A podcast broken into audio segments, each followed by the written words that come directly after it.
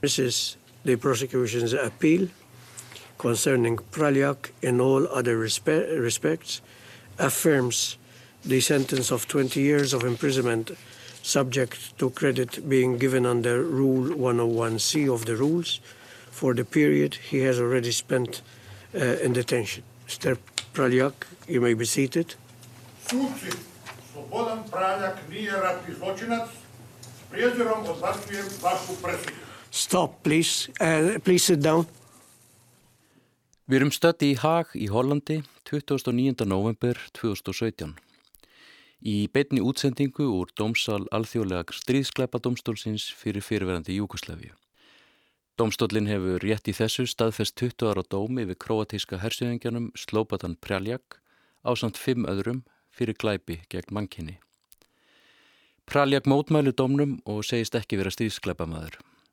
Augnabliki síðar ber hann lítinn byggar með eitri af vörum sér, tæmir í einum teig. Slobodan Praljak er í skyndi fluttur á nærleikendi sjúkurás en deyr skömmu síðar. Her Excellency Kolinda Grabar Kitarovic, President of Croatia. Please put your hands up.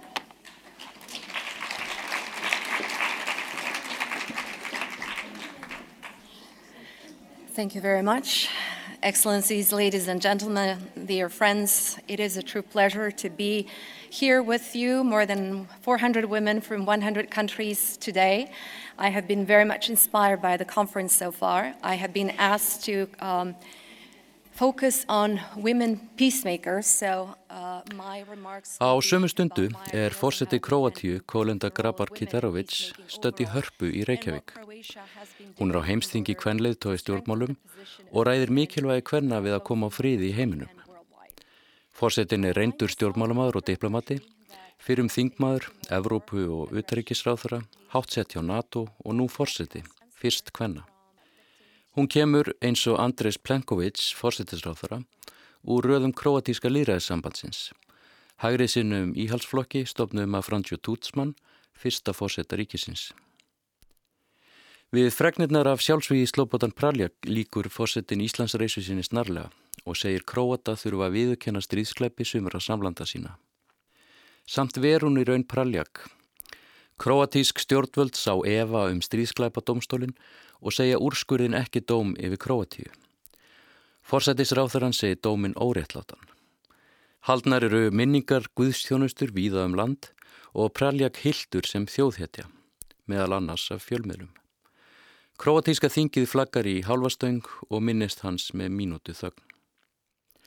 Andrumslofti er öðrísi hjá fórnalömpum Praljak í Bosni og Herzegovinu. Þau lýsa á samfélagsmiðlum hryllingi og pyntingum í fangabúðum hans og um leið skömsinni á stríðskleipamönnum. Fáinir þingmenn úr kroatísku stjórnaranstöðni á samt nokkrum fjölmiðlum taka í sama streng og gaggrína eigin stjórnvöld harlega fyrir að hitla stríðskleipamenn og sitja fyrir vikið undir morðhótunum.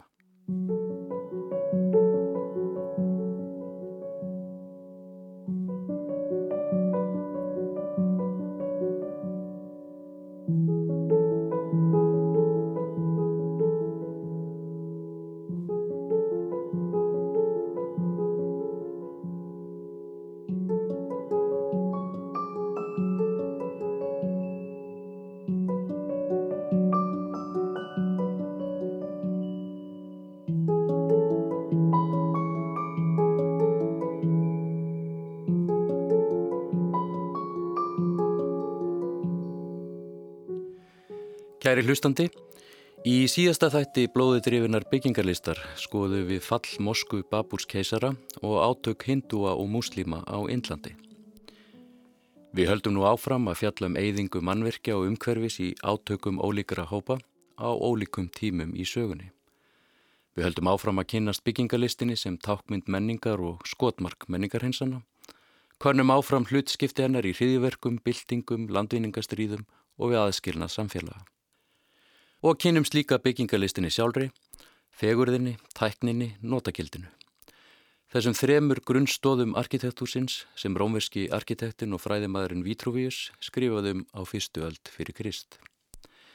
Líkt og síðast leitu við meðal annars til bladamannsins og arkitektins Robert Bevan sem heldur því fram að eyðing borga og bygginga hafi ætíð verið órjúvanlegu þáttur í ófriði og að þetta hafa versnað í aldana rás með auknum eyðingamætti votna.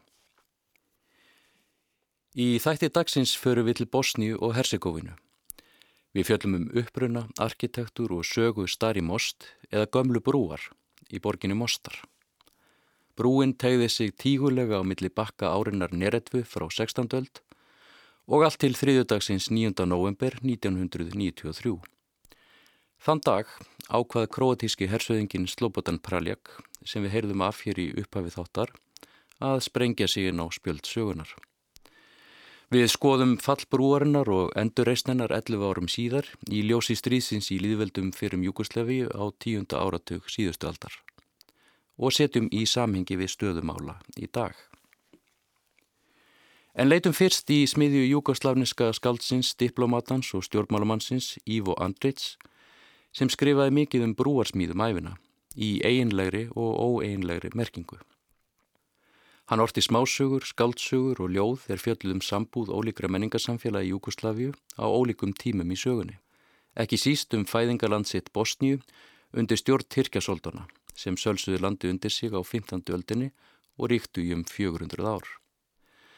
Andrits hlaut Nobelsverlunin í bókmöntum 1961 en þekktasta verkans, Brúin á Drínu, fjallar einmitt um örlög annarar brúar, Mehmet Pasa brúarinnar í bænum Vísigrati í serbneska hluta Bosníu-Herzegovinu. Brúin svo er kend við samnetan Stórveisir eða Forsetisráðra, Súlimans hinn mikla Tyrkjasóldans og var byggð á árunum 1571 til 1577. Heyrum nokkur orð úr smiðju Ívo Andrits.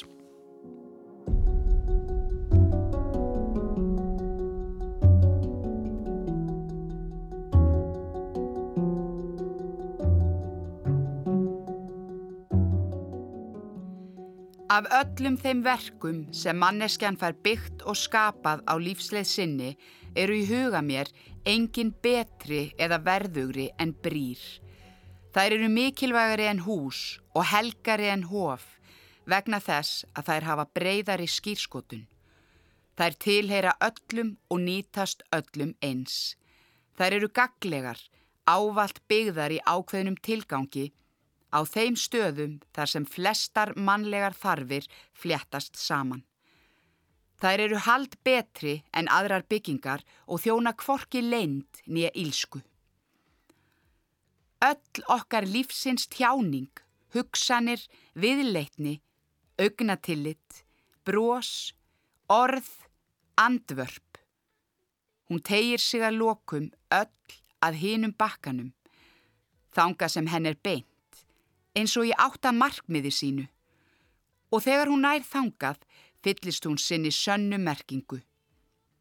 Allstaðar verður hún að yfirstiga eða brúa eitthvað, óreglu, dauða, tilgangsleysi. Því að allt er umbreyting, brú með enda sem hverfa inn í óendaleikan og sem allar jarneskar brýr blikna við hliðin á eins og leikfung og allar vonir okkar eru hinum megin.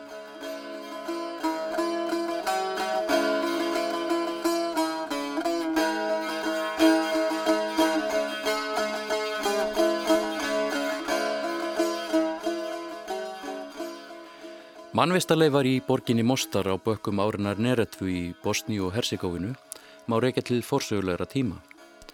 Uppbrunna sjálfra borgarinnar má hins vegar reykja til fyrir hluta 15. aldar en þá byggðust hún upp sem útvörður á leiðinni frá Hafnar og Veslunaborginni Dubrovnic til insveita Balkanskans.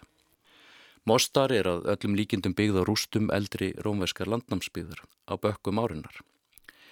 Og hún ógs hratt á 16. öld aðala í krafti staðsetningar sinnar í alfara leið á þjóðveginum til aðræðahafsins. Til að mæta þörfum hins vaksandi bæjar á setni hluta aldarinnar fyrirskipaði landstjóri Ottoman Veldisins á svæðinu að byggja skildi ímis mannverki á borði moskur, skóla, bókasöpn, áningastadi og aðstuði fyrir ferðalanga. Og síðast en ekki síst, brýr. Fyrsta miðaldabrúin í bænum Mostar var afar viðkvæm og óstöðu hengibrú úr timbri. Það var yfir þessa brú sem Tyrkir fóru til að komast frá Östurbakka nera 2 til hins vestari. þegar þeir réðust inn í bæin og náðu honum á sitt vald árið 1468.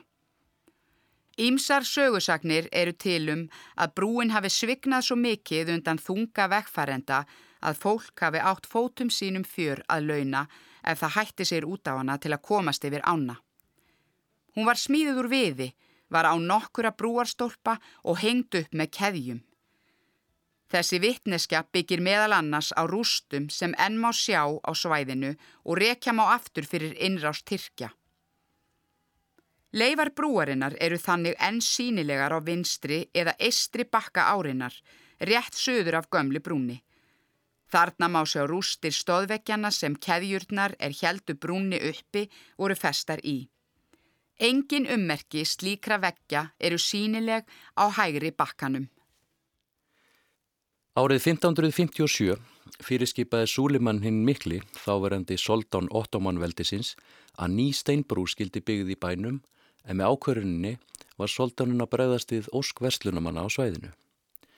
Brúni var ætlað að leysa af hólmi hinn að sveiplugjörnu hengibrú en verslunumannum stóð stuggur af því að þurfa klöngrast um hana á leiðsinni við ströymharða ána. Ottomanski ferðalangurinn og rithöfundurinn Evlija Selebja Hjælt í fram með um miðja 17. öldina að þessi nýja brú hefði verið byggð af arkitektunum Mímar Sínan sangvað tilskipunum Soldánsins. Sínan er almennt talinn hafa borið höfuð og herðar yfir aðra arkitekta Ottomanveldisins á ferli sem spannaði við 50 ár en hann lést í Istanbul í Tyrklandi árið 1588. Mikilfenglegar moskur hans er á mörgum taldar dæmigerið fulltrúar fyrir byggingalist hinn að tyrknesku Ottomana.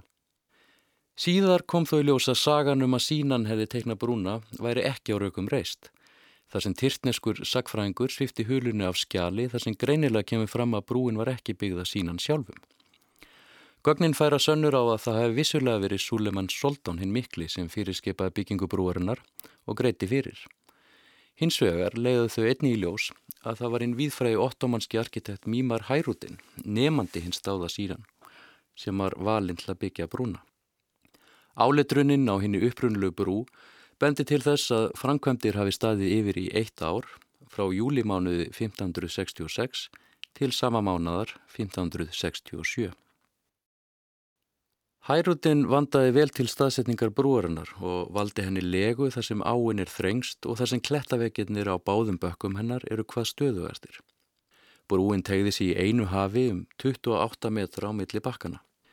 Hún var um fjögura metra breið og sveia bógans myndaði eiliti flatan hálfring. Arkitektinn tók einni hæstu vastuðu árinnar á flóðatímum með í reikningin. En það skýrir hvers vegna brúarbógin stendur tölvert herra en aðleikjandi götur. Þessi hæðamismunur ljáði brúni sitt sérkynlega form og skýtur upp krippu, næstum eins og köttur, þar sem hún tegir sig tignalega yfir ána.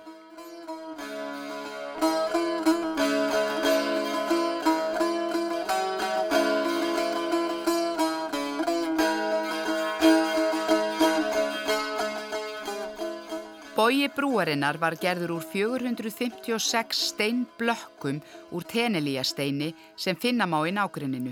En steinin er ljósleitur og virðist skipta litum eftir stöðu og styrk sólaljósins. Steinblokkirnar sem mynduðu bogan voru svo kallaðir bogasteinar, fleigmyndaðir steinar sem falla þjætt hver að öðrum og færa kraftana sem verka á brúna að ofanverðu niður í undirstöðurnar.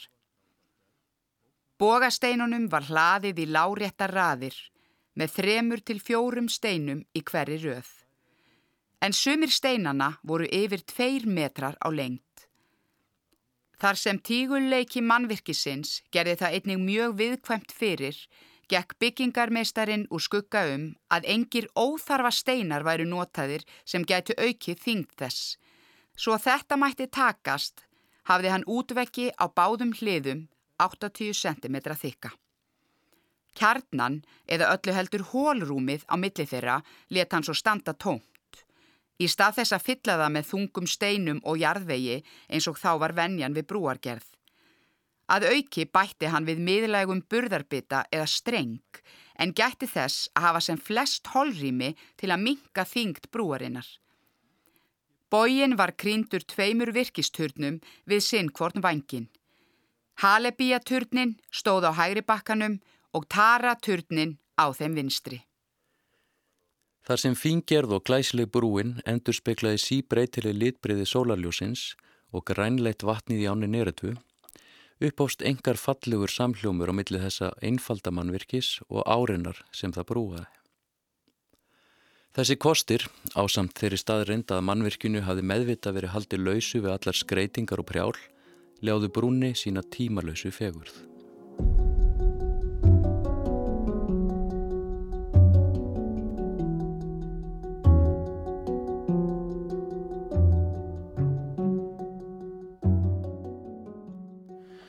Með tímanum urðu borgin við Neretvu og íbúðar hennar þekkt af vörðunum, Mostari sem gættu brúarinnar vel og vandlega um aldir.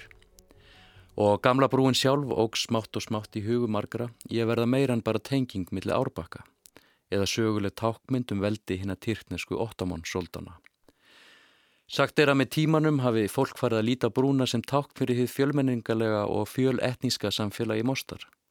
Samfélag bosníaka, króata og serba eða múslima, katholika, fylgjenda réttrúnaða kirkjunar, gýðinga og fleiri hópa. Gamla brú var á nefa laungorðin miðpunktur borgarlífsins í Mostar áður en henni var eitt. Brúin þjónaði sem vinsælt samkomistar fyrir bæjabúa, hún var steinsnar frá matarmarkaðnum og undir henni rann áinn sem fólk nýtti óspart til sunds og baða. Á sömarkvöldum dró hún einni að sér fjölda ungmenna sem sóttu krárnar í nágranninu. En Stari Most bjó einni yfir sérstöku segulmagni sem dró fólkið að í hópum. Hinn árlegu dýfingakeppni sem um aldir hafi verið haldin í ágúst á hverju ári. Keppnin laðaði sér mikinn fjölda ungra móstarbúa og margir þeirra, ungir karlar, spreyttu sig á því að svífa tígulega frá toppi brúarbógans og ofan í kalda ána fyrir neðan.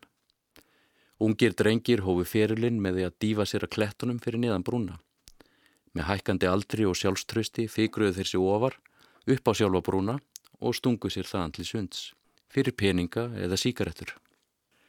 Í aldanar ás þróaðist þessi yðja yfir í afar sterkahefð og var á mörgum talin hinn eina og sanna mandómsvíksla. In retaliation, the Croats targeted the Mostar Bridge, which Muslims had built 400 years earlier.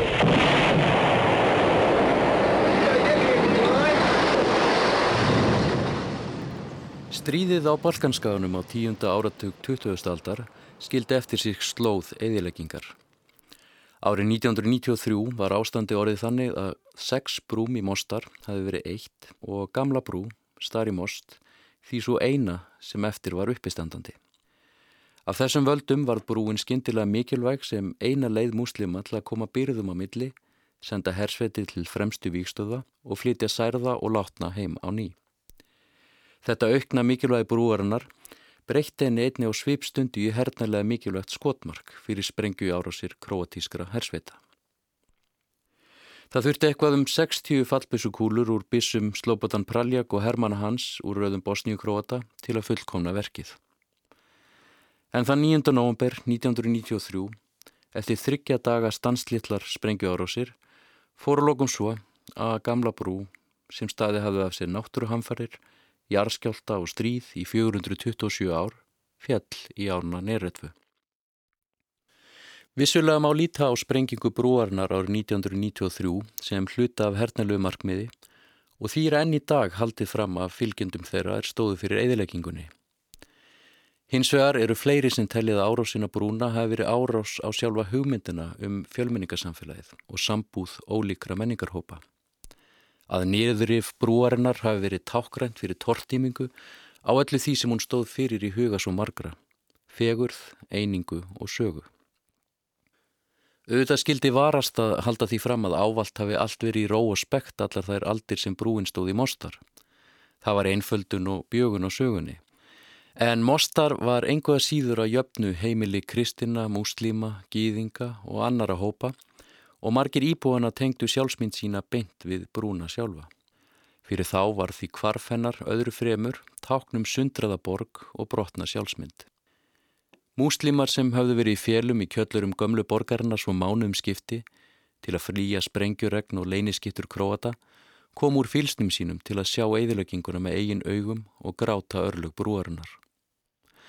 New York Times rætti við einn íbúana strax eftir fall brúarinnar, hinn að 70 Borjanka Sandits, ættingja Serbans Alexa Sandits, sem var eitt frægasta skáld mostar á 19. höldinni. Ég upplöði fyrsta kossin minn á þessari brú. Ég man enn þann dag í dag hvernig stjörnur og tungl skinu við okkur þetta kvöld. Ég man hvernig við kostuðum steinum í tært vatnið. Nú hefur þetta allt verið þurkað út. Brúin var samkomustæðar unga fólksins af minni kynnslóð. Steinarnir í brúargólfinu voru orðin svo rennir sléttir af fótatækinu að maður þurfti að halda í handriðin til að forðast það að detta. Meira segja þegar það var þurft. Kæri hlustandi, nú má ekki skilja það sem svo að umfjöllunum eigðurleikingu menningarar sem sé tilrönd til að gera lítið úr eða beinum sjónum frá raunverulegum líkamlegum, sálrænum og félagslegum hörmungum fólk sem lendir í átökum. Slík umfjöllunum hluti getur vissulega virst lítilfjörleg umræða um aukaðatrið. Óvirðing við það fólk sem er drepið í fjöldamorðum, ofta eftir skjálfilega nýðulægingu, pyntingar og nöðganir. Lítilsfyrðing gagvart eftirlifandi þólendum. Þetta eru margir sem um málinn fjalla mjög meðvitaður um. Arkitektin Robert Bevan, sem við vittum oft til í þessum þáttum, hefur til að mynda líst ákveðinu skömm og sjálfsásökunum fyrir það eitt að hafa haft áhuga efninu frá unga aldri. En um leið bendur hann á að tilgangurinn sé einmitt þver öfugur. Tilgangurinn sé einmitt að standa vörðum þann arf sem getur máski geimt minningar og sagt sögu þessa sama fólks. Mikilvæga sögu hópa sem jafnvel hafi verið þurkaður út af yfirborði jarðar. Sögu sem getur orðið okkur áminning og kvartning til að standa vörðum friðin, mannslífin og mannverðinguna.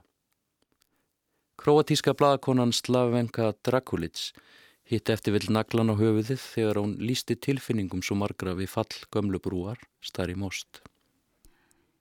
Hvers vegna finnum við til meiri sársöka þegar við horfum á myndir af rústum brúarinnar en þegar við sjáum myndir af fólki sem hefur verið drepið í hrönnum?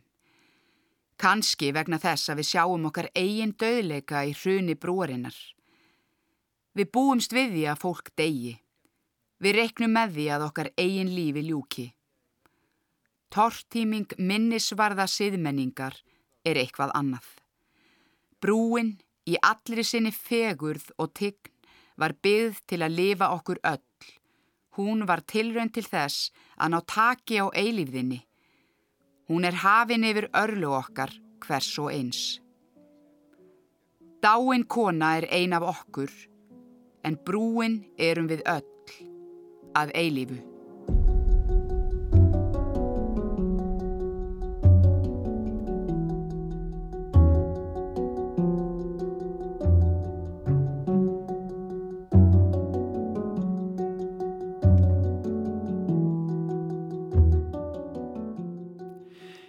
Bosníustriðinu síndu margir íbúar mostar umhyggju sína fyrir brúni með því að þekja hana bíldekkjum og reyna þannig að verja árásum.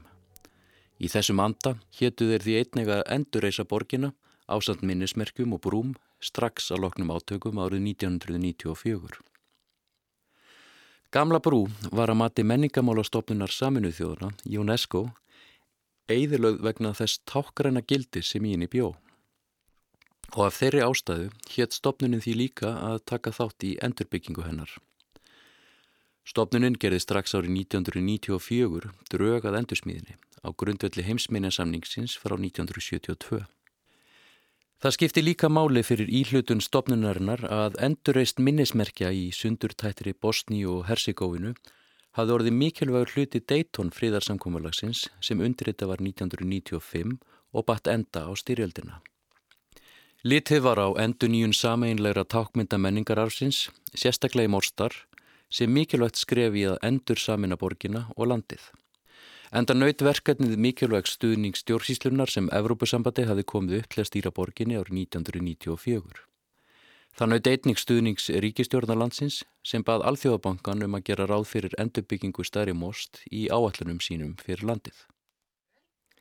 Hönnunarmarkmið endurbyggingarinnar fólust á endanum í að byggja nýtt mannverki er sveipaði til hinnar föllinu brúar og þar sem stöðst yrði við sömu tækni og byggingarefnu áður.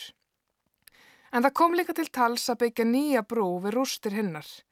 Brú sem endur speiklaði byggingalist samtímans. eða að byggja minnismerki í stað nýrar brúar. Allir möguleikarnir voru vandlega skoðaðir út frá þeim viðmiðum og tækni sem notuð eru við verndun menningararfs. Loka ákverðunin um byggingu nýrar brúar í mynd þeirra gömlu var að lokum tekin af íbúunum í Mostar og fjalla ágætlega að áherslu UNESCO á eignarhald heimamanna á verkefnunum. Endurbygging brúarinnar og turnana tvekja veitti innum fjölmörgu mannúðasamtökum sem voru á störfum í Mostar tækifæri til að samena krafta sína og gera meira en að endurbyggja eina brú. Hér skildi andrumslofti bætt og stuðlaða sáttum meðal íbúa Bosníu og Hersigóinu. Árangur hér er því forsenda, efnahags og félagslegar enduníunar. Talsveru fjöldi samtaka, stopnana og ríkja koma verkinu en Alþjóðabankin og Mostarborg voru ábyrg fyrir fjárasliðinni og UNESCO stýrði tækni og vísindalegri samhæfingu. Þann 23. júli 2004 var brúin svo vígð við hátíla aðtöfn. Viðstattir voru bæjarbúar, forsetar hins þrískipta forsetisembætis Bosni og Herzegovinu á samt fulltrúum þeirra stopnan á ríkja sem komu að endur uppbyggingunni. Og sangat fulltrúum verkefnisteimisins var verið að fagna endurníun þess menningararfs sem íbúar Mostar og Bosni og Herzegovinu vonuðist til að leiti til nýskilnings, sátta og efnahagslegar endurreysnar. Blended together, these experiences make up the fascinating world called Disneyland. A world filled with excitement, imagination, and happiness where you can travel to the past, present, or future without ever leaving the park. Endur smíð gömlu brúar og endur uppbygging samfélagsins í Bosni og Herzegovinu hafa lengi síðan verið gaggrínd af arkitektum og sagfrængum. Endurgerðin hefur verið sögð gaggrínislaus eftirlíking eðilagra mannverkja. Raunverulegri sögu sé fórnað fyrir svokallað arfleð sem sé ekkert nema yfirlýsingum ákveðna trú á fortíðina. Sumi ganga svo langt að segja að höfuð markmiði sé að skapa með fólki fordómafullt stoltgagvart fortíðinni.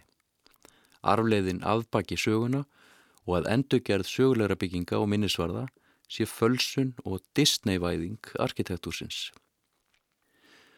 Gaggreinendur bend á að víða hafa verið gerða tilraunir með þvinga glemsku, líka í mostar. Reynt sé að breyða yfir eyðinguna sem stríðið allir og endurbyggingin sjálf veki falskar minningar.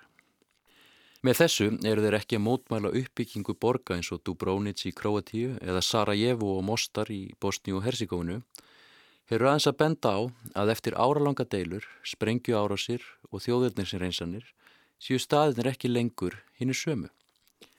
Fólk hafi flúið og ekki snúið aftur. Hús hafi verið rifin, borgir eins og Mostar séu enn sundraðar. Enn megi merkja trúarleg, félagsleg og sálran innanmein þótt sárin sjáist ekki. Gaggrínendurnir benda á að bæjir sem eitt sinn hafi að mestu verið byggði múslimum séu nú aðalega byggðir serbum eða króatum og öfugt. Þeir segja að þótt gert hafi verið við skélina sé kjarnin alls ekki sá sami. Nýr eftirstríðsraunveruleiki blasi við sem erfitt sé að breyta. Jafnvel með stjórnvaldsaðgerðum sem miði að því að endurvekja gömul gildi, svo sem bosníska sjálfsmynd byggð á heimsborgarlegu umbyrðulendi, eða peningaseðla og frímerki sem síni glæsta sameilega fortíð. Á þessum nótum vilja þeir skoða endursmíð gömlu brúar sem yfirlýsingu. Von um minni sundrungu í framtíðinni frekar en raunverulegar sættir í nútímanum. Fantasyland is also the home of King Arthur's Carousel and a special place in which the eternal hope of peace on earth and goodwill to man becomes a reality in It's a Small World. Ásakanir um sögufölsun og Disney-væðingu urðu sérstaklega hávarar árið 2005 þegar að UNESCO ákvaða skrá brúna og umhverju hennar aftur á heimsminaskrá.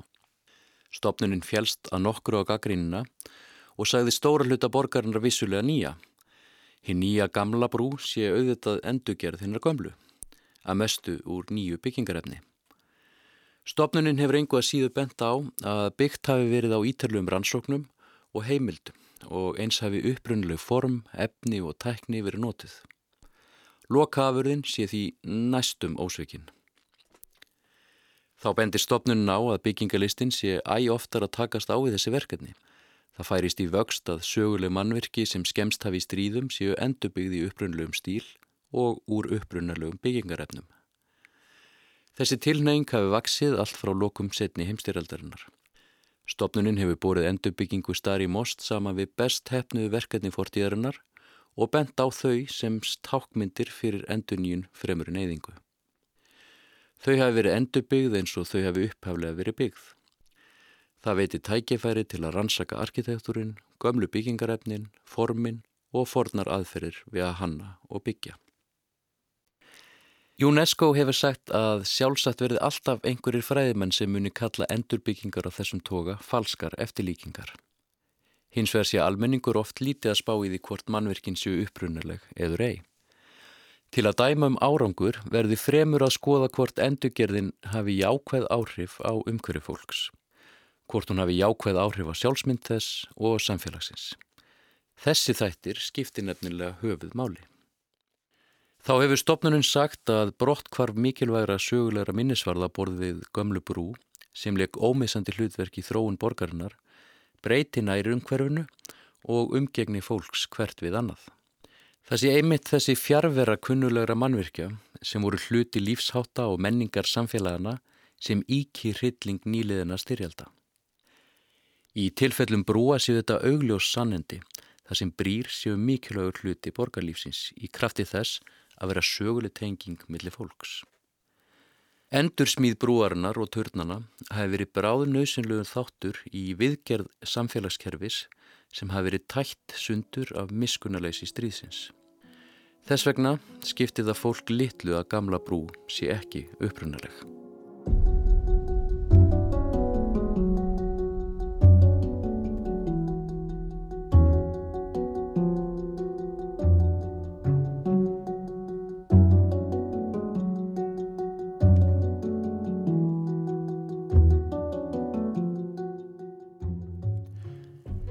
Kæri hlustandi, við höfum nú fjallað um uppruna, arkitektur og sögu Stari Most eða gömlu brúar í borginni Mostar í Bosníu og Herzegovinu. Við höfum rætt fallennar og endursmíð, endurreist samfélagsins í Mostar og þá gaggríni sem verkefnin hafa mætt. Gamla brú var einungis eitt af þúsundu minnismerkja ottomantímans sem að voru eðurlögð eða mikið skemmt í Bosníustríðinu. Eftir því sem víglínur breyttust og fólk rekið á brott eða drepið fór einsu margar aðra byggingar vitt og breytt um Kroatíu og Bosníu-Herzegovinu. Byggingar tengd um kroatísku katholsku kirkjunni og serbnesku retrúna kirkjunni. Í þessum hildarleik eh, lendi arfur ottomannana á milli kroatískra og serbneskra stríðsfélag og varð verst úti. Fá mannverki þessa merka menningar á slupu og skotmörkin voru mest trúar eða menningarlegs eðlis. Bókasöfn, söfn, íslamskir skólar, grafísi og gósbrunnar voru óvinnurinn. Árið 1995 var gerð skýrsla um byggingararfin í Bosníu sem greindi frá örlögum byggingatengdum Íslam, katholsku kirkjunni og serfnesku réttrúnakirkjunni, sem og veraldlegum byggingum. Skýrslan leiti ljós að vel á fjórða þúsund bygginga sem voru taldar hafa sögulegt gildi höfðu verið eigðilagar eða skemdar. Á annað þúsund þessara bygginga voru íslamskar, um 300 katholskar og nokkri týjir tengdir serfnesku réttrúnakirkjunni. Í 24 bæjum víðaðum landið urðu alltaf 90 mannverki fyrir áhrifum á hverjum stað. Sumstaðar var talan miklu herri eins og í Mostar, þar sem um var að ræða yfir 400 byggingar.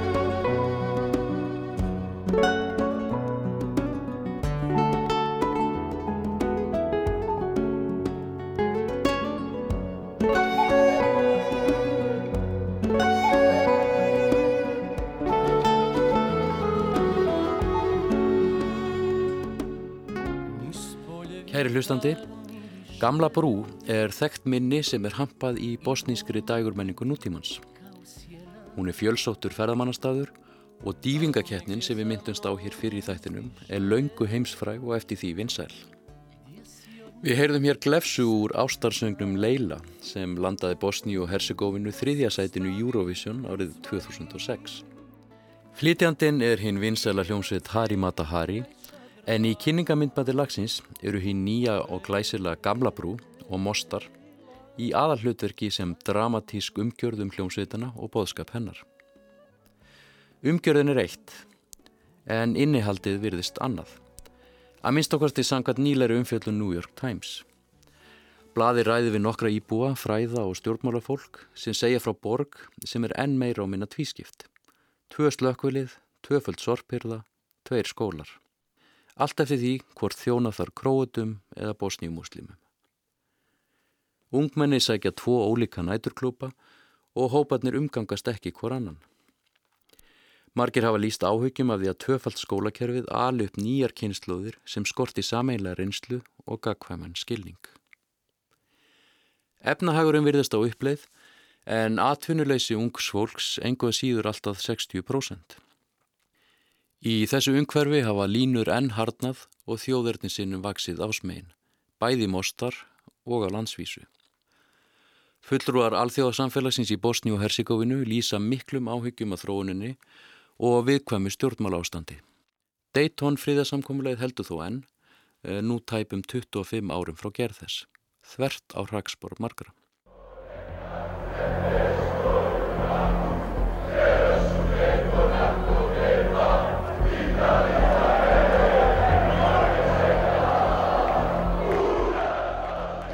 Og svo er það auðvitað fókbóltinn. Í honum kristallast með tákrannum hætti skipting borgarinnar. Srínski er lið Króata, Veles er lið Bosniaka. Liðin hafa frá því snemma á 20. stöldinni elda grátt silfur saman og mæst í einvíum á sérstökum leikjum, Mostar Dörbi, með tilherrandi ólátum og ofbeldi. Reyndar varð langt hlið á þessum leikjum á meðan Júkoslavia var og hétt undir stjórn Títós en hann let banna króatíska liðið fyrir að hafa leikið í króatísku úrvalsteldinni á tímum fasistjóðstjórnar úr Stasja-reyfingarinnar, samverkamanna nazista í heimstyröldinni síðari.